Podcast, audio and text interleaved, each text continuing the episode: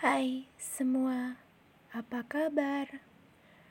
Semoga baik-baik aja ya. Sini cerita bareng Pena Somel. Ceritanya hari ini tentang sosok dia. Dia yang pernah jadi bagian di dalam hidup aku. Sebenarnya aku tuh tipe orang yang gak suka throwback sih.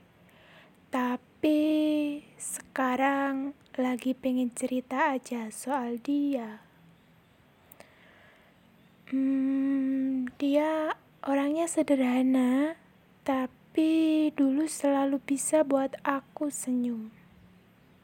Gak tahu kenapa, setiap aku sama dia aku selalu ngerasa nyaman dan tenang. Ngerasa kalau hidup aku jadi lebih healthy.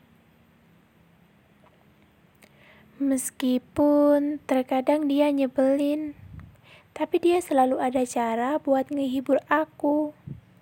Tiap malam teleponan, katanya pengen dengerin suara aku sambil mabar.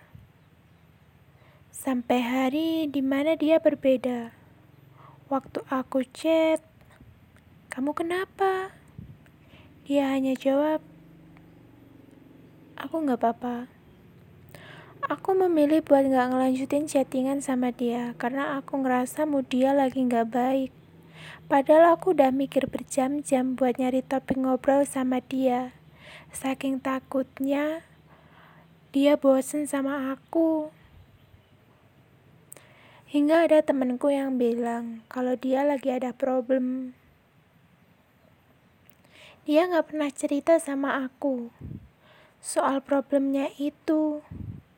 Ternyata dia cerita sama sahabat aku dan dia juga gak bilang.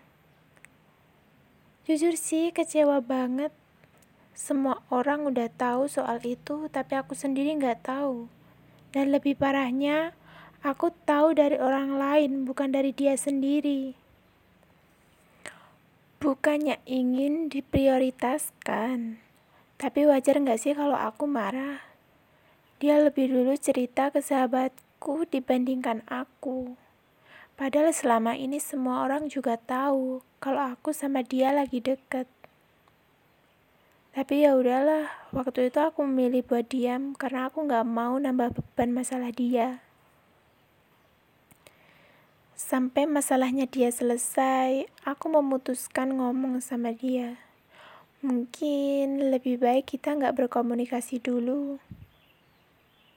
Kamu masih marah ya soal kemarin? Aku minta maaf ya. Enggak, enggak marah kok. Lagi pengen sendiri aja.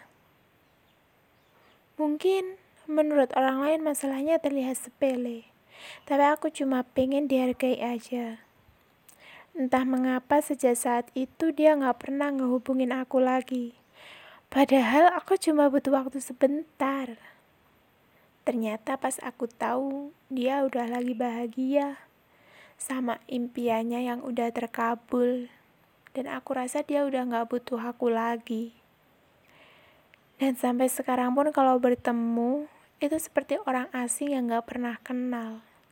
Padahal dulu kita deket banget.